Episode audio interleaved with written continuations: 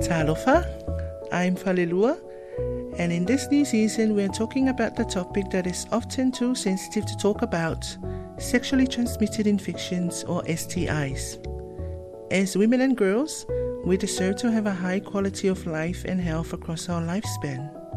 This requires having access to the necessary knowledge to make decisions about lifestyle, to understand our bodies, and to make informed decisions about our health. Many of our health concerns affect other members of our families and communities as well. This season's topic is sexually transmitted infections. They can affect both women and men's health, even though many may not know they have it, so they can spread it unintentionally. Without treatment, in some cases, STIs can lead to sterility and damage. Getting an STI doesn't make someone a bad person, but addressing the stigma of STIs is important to encourage people to get tested, to protect themselves, and to seek treatment.